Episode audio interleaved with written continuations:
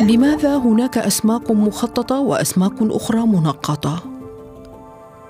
الأسماك موجودة منذ مئات الملايين من السنين وهناك تنوع كبير في الألوان والأنماط لدى الأحياء المائية. ولمعرفة كيفية حدوث ذلك يمكن استخدام الطرق البيولوجية الجزيئية. فصيلة سمك البلط الملون تثير اهتمام الباحثين بصفة خاصة لأن من نسلها تطورت معظم أنواع الأسماك بأشكالها وأنماطها المختلفة. حدث التطور في بحيرة فيكتوريا في إفريقيا بسرعة كبيرة وفي غضون بضعة ألاف من السنين ظهر هنا 500 نوع جديد من البلطي يعتمد هذا التنوع على عدد قليل من أسلاف الأسماك التي هاجرت من البحيرات المجاورة.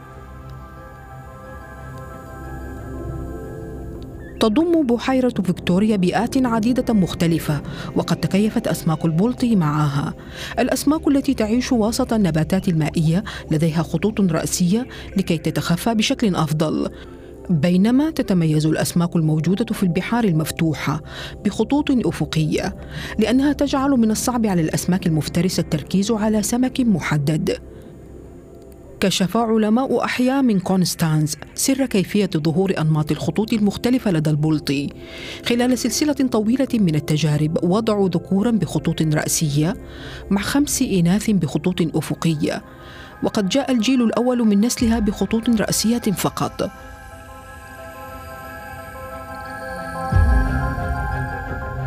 ثم تم إنشاء مجموعات أخرى من هذه الأسماك تتكون من ذكر وعدد من الإناث وقد جاء ربع نسلها بخطوط أفقية. الخطوط الأفقية تظهر إذا ورثت السمكة الجين الخاص بذلك من الأب والأم.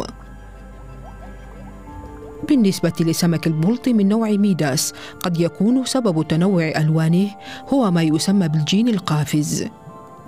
كانت أسماك البلطي ميداس في الأصل داكنة اللون لكن الأسماك التي لديها الجين القافز تحولت أثناء تطورها إلى اللون البرتقالي أو الأصفر أو الأبيض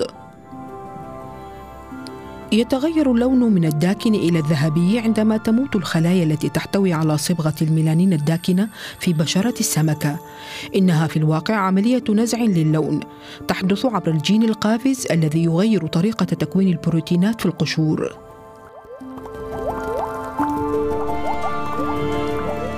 كيفية تطور الأنماط والألوان لدى الأسماك؟ يخضع لبحوث منذ أكثر من مئة عام وما تزال هناك ألغاز كثيرة يتعين حلها.